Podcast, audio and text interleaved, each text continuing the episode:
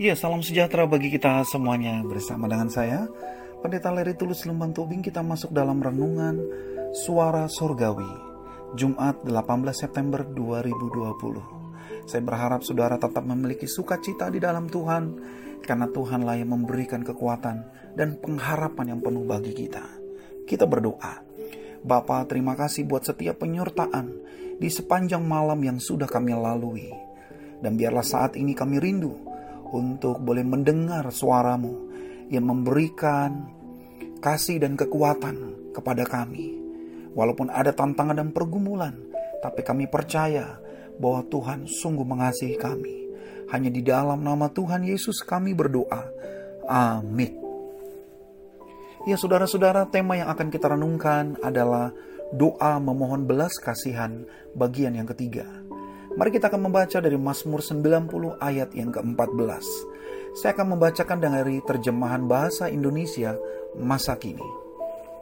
Limpahkanlah kasihmu kepada kami setiap pagi, agar kami gembira dan menyanyi seumur hidup kami. Saudaraku, beberapa waktu yang lalu kita sudah membahas mengapa kita manusia memerlukan belas kasihan Tuhan. Sebab kita menyadari yang pertama, bahwa hidup begitu singkat. Karena itu dengan bijak kita perlu menghitung setiap kehidupan kita dengan hati-hati dan tekun. Agar semua akan membawa kita kepada kekekalan yang Tuhan janjikan dan bukan sebaliknya. Yang kedua, supaya jauh dari murka Allah.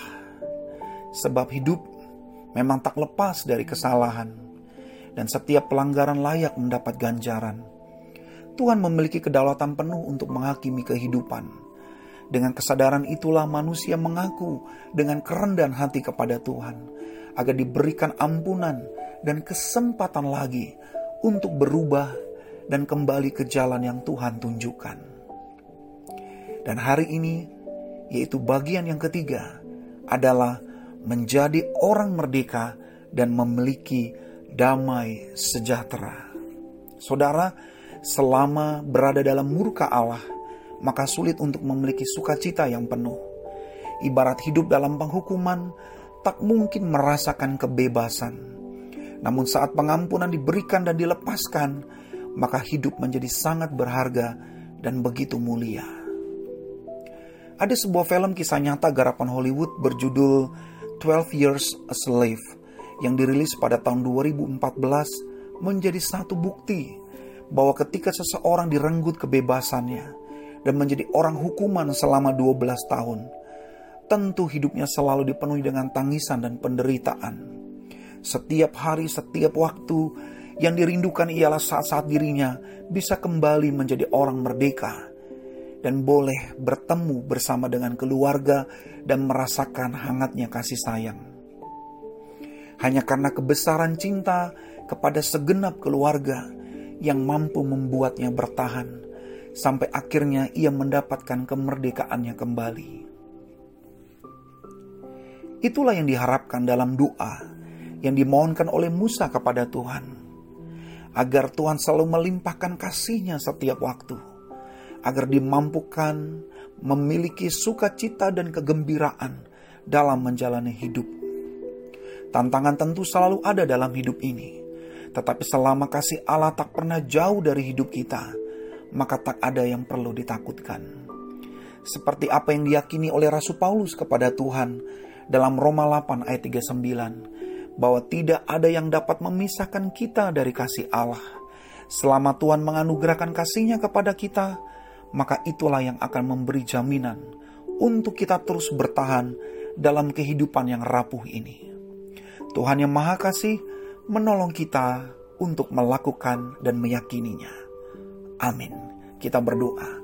Bapa terima kasih untuk setiap kekuatan dan pengharapan lewat firman yang boleh disharingkan pada pagi hari ini kepada kami semua.